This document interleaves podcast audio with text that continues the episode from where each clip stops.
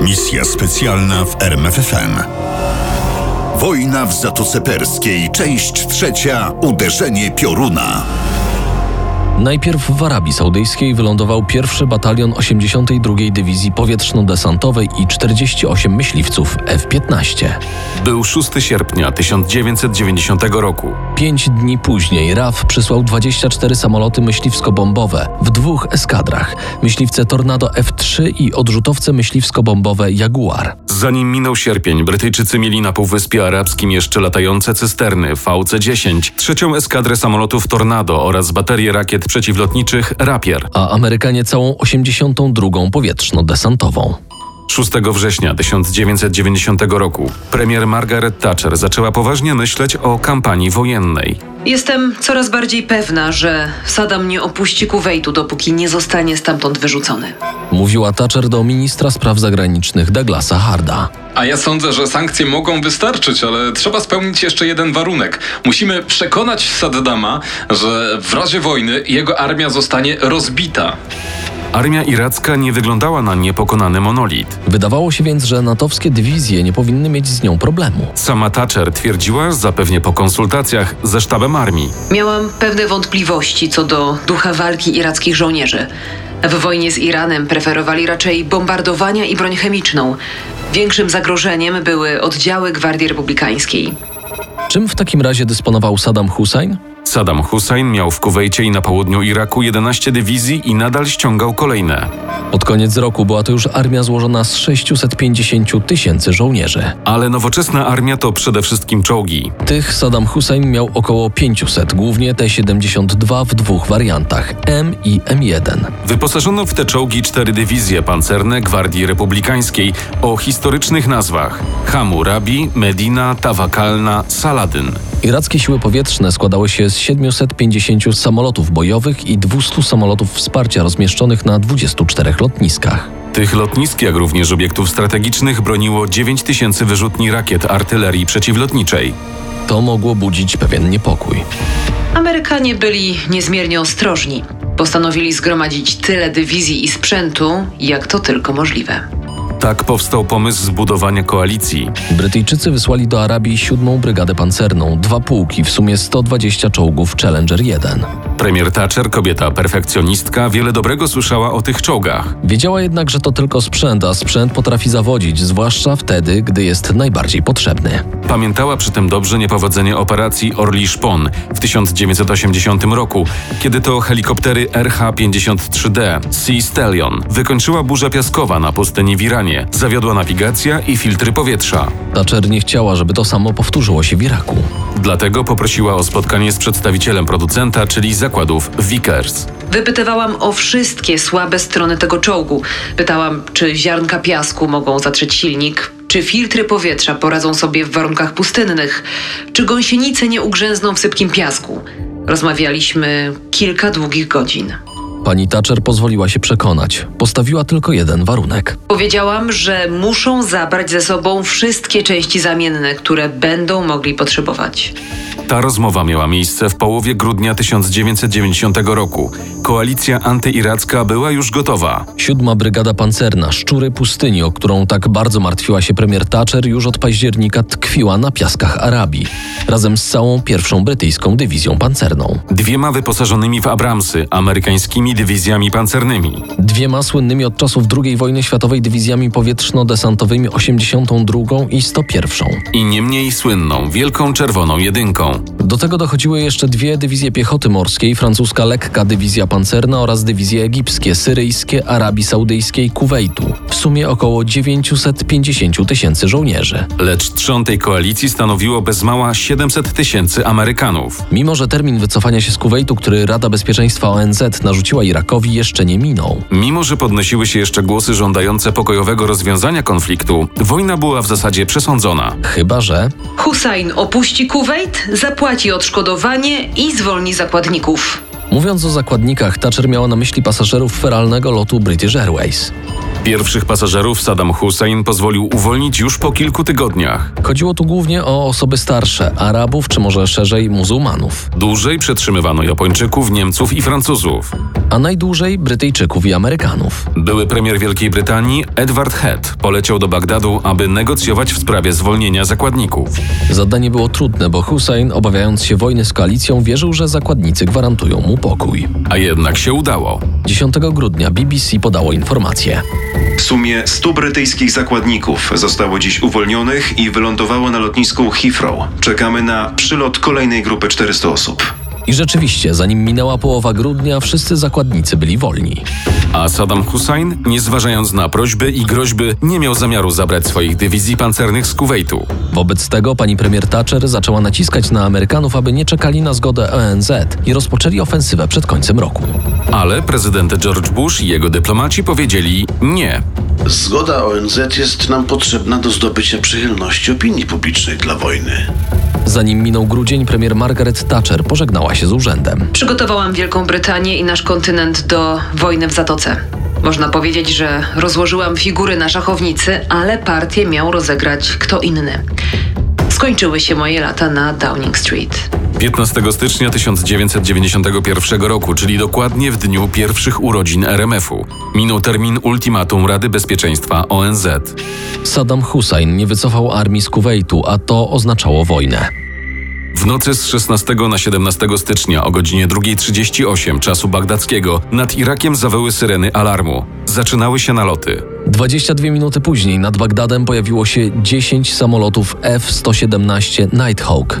W tym samym czasie do stolicy Iraku doleciały pociski Tomahawk wystrzelone z okrętów manewrujących po Zatoce Perskiej. Samoloty startowały z lotnisk w Arabii Saudyjskiej i sześciu lotniskowców, które znajdowały się na wodach Zatoki Perskiej i na Morzu Czerwonym.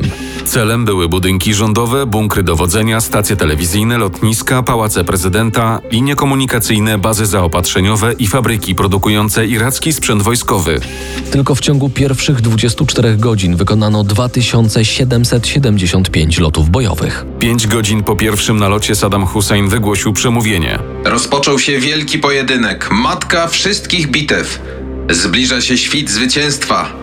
Jeszcze tego samego dnia, kiedy ziemia iracka jęczała od wybuchów bomb, Hussein zdecydował się na desperacki krok. Zaatakował Izrael rakietami Skat. Jaki był cel tej akcji? Przecież rozdrażniony Izrael zapewne przyłączy się do koalicji. O to właśnie chodziło Husseinowi. Prezydent Iraku liczył na to, że wraz z przyłączeniem się do koalicji armii Izraela odejdą z niej kraje arabskie, w tym groźny dla Iraku Egipt.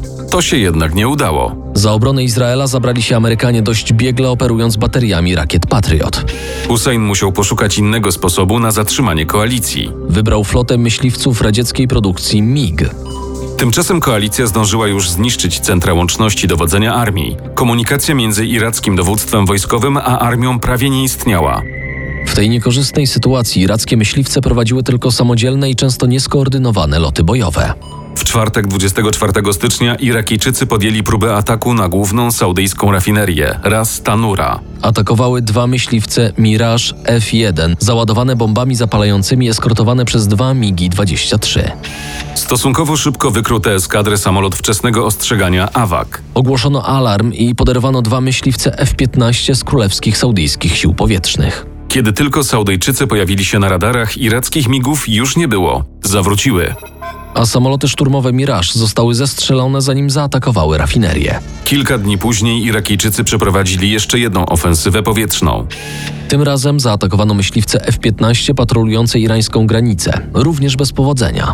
Lepszy sprzęt, radar o większym zasięgu i zwrotne, niezwykle szybkie pociski zniszczyły nadlatujące migi. Po tym epizodzie Irakijczycy nie podejmowali już żadnych poważnych operacji powietrznych. Straty gorszych technicznie migów w pojedynkach z amerykańskimi F-15 czy F-14 rosły. Strącono 38 migów w powietrzu i aż 141 samolotów zniszczono podczas nalotów na lotniska. Saddam Hussein zrozumiał, że jego flota myśliwców nie poradzi sobie z wojskami koalicji. Jak możemy uratować nasze samoloty? Pytał podczas narad sztabu. Generałowie proponowali, by pozwolić odlecieć im do Jordanii. To jednak była misja niemożliwa do wykonania. Dlaczego? Dobre stosunki króla Jordanii Husajna i prezydenta Iraku Saddama Husajna nie były tajemnicą. To też zarówno RAF, jak i US Air Force wysyłały samoloty, by patrolowały niedługą granicę iracko-jordańską. Saddam Hussein i jego generałowie o tym wiedzieli. A ponieważ i Syria, i Turcja również nie wchodziły w grę, pozostał tylko jeden kierunek Iran. Tam też Hussein wysłał swoje 122 migi. Do dziś historycy zastanawiają się, czy sporządzono formalne porozumienie między Irakiem a Iranem w tej kwestii. Przeważają jednak głosy, że umowa powstała w pośpiechu i początkowo zezwalała tylko na lądowanie samolotów cywilnych i transportowych. Wygląda więc na to, że Irak postawił swojego wschodniego sąsiada przed faktem dokonanym. Pozwolenie na lądowanie migów zostało wymuszone. Ale Iran również zachował się nielojalnie. Teheran pozwolił na powrót załóg irackich samolotów dopiero po latach. Natomiast migi rdzewiały w irańskich hangarach ponad 20 lat. W 2014 roku Iran zwrócił 88 samolotów, resztę zostawił. Mijały dni, naloty na Irak nie słabły, a zapowiadane przez Husajna zwycięstwo nie nadchodziło. Lotnictwo koalicji panowało w powietrzu bezdyskusyjnie. Tornada RAF-u niszczyły kolejne lotniska i mosty. Bomby kasetowe i pociski manewrujące niszczyły punkty łączności i sztaby nieprzyjaciela. Nie znaczy to jednak, że nie było strat. A jednak iracka obrona przeciwlotnicza, zdaniem historyków, była zaskakująco nieskuteczna. Koalicja straciła tylko 75 samolotów. Dwa razy piloci rozbili się uderzając w ziemię podczas manewru ucieczki przed irackimi rakietami. Tylko raz pilot iracki wygrał walkę w powietrzu. Było to zaraz pierwszego dnia wojny powietrznej. Z lotniskowca Saratoga wystartowały dwa myśliwce F-18 Hornet. W pobliżu Bagdadu zaatakowały je dwa irackie MIGI-25. To był krótki, nowoczesny pojedynek powietrzny bez kontaktu wzrokowego, w którym piloci polegali wyłącznie na wskazaniach radarów. Pilot MIGA-25 Zuhair Dawood wystrzelił pocisk R-40, który dogonił i zniszczył amerykański myśliwiec. Pilot komandor porucznik Scott Spaker nie zdążył się katapultować. Aż 33 samoloty rozbiły się w wyniku wypadków. Dotyczyło to głównie myśliwców, które latały na niskich wysokościach, aby uniknąć wykrycia przez radary. Trzecia i największa faza kampanii powietrznej była wymierzona w cele wojskowe w całym Iraku i Kuwejcie oraz infrastrukturę cywilną. Zniszczono 11 z 20 elektrowni, przez co pod koniec wojny Irak mógł wyprodukować zaledwie 4% energii. Zniszczono urządzenia portowe, rafinerie ropy naftowej, mosty i autostrady, głównie te łączące Irak z Jordanią. Uderzenie bombowców i rakiet Tomahawk było nad wyraz skuteczne. Dlaczego? O tym opowiadał nieżyjący już autor książek Political Fiction Tom Clancy. W sierpniu 1990 roku starszy oficer amerykańskich sił powietrznych przyleciał na lotnisko w Bagdadzie. Miał ze sobą teczkę z odbiornikiem GPS. W ambasadzie Stanów Zjednoczonych wykonał jednorazowe odczyty danych. Po powrocie do Stanów te współrzędne posłużyły jako podstawa do wyznaczania celów w Bagdadzie. A jednak to podczas tej trzeciej fazy bombardowań zdarzały się tragiczne błędy.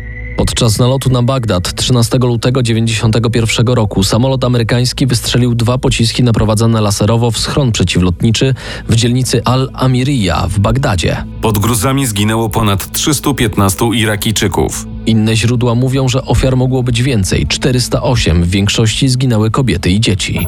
Amerykańscy dyplomaci twierdzili, że schron służył również jako centrum komunikacyjne irackiej armii, dlatego zdecydowali się na atak.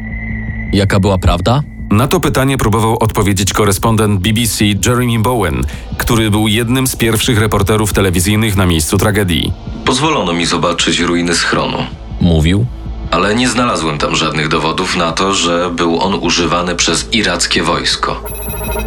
W zasadzie po tak kategorycznym oświadczeniu wszystko powinno być jasne. Dzień później wydarzyła się kolejna tragedia. Myśliwiec RAF wystrzelił dwa naprowadzane laserowo pociski. Celował w most w Faludży. Pociski były wadliwe i trafiły w targ. Zginęło 50, a według innych wersji 150 osób. Setki odniosło rany. RAF w osobie rzecznika prasowego nie dyskutował z opinią publiczną. Z cywilną odwagą Brytyjczycy przyznali się do błędu. To był jeden z ostatnich epizodów trwającej 43 dni fali nalotów. Kiedy się skończyła, irackie lotnictwo nie istniało. Poważnie zawodziła łączność. Morale żołnierzy było podłe. Wydawało się, że nic i nikt nie może zagrozić koalicji. A jednak Po bezdrożach irackich krążyły ruchome wyrzutnie rakiet balistycznych SCAD. należało je zniszczyć. Tymczasem ani brytyjski RAF, ani amerykański Air Force nie umiały sobie z tym zadaniem poradzić. Dlatego poproszono o pomoc komandosów SAS. Misja specjalna w RMFFM.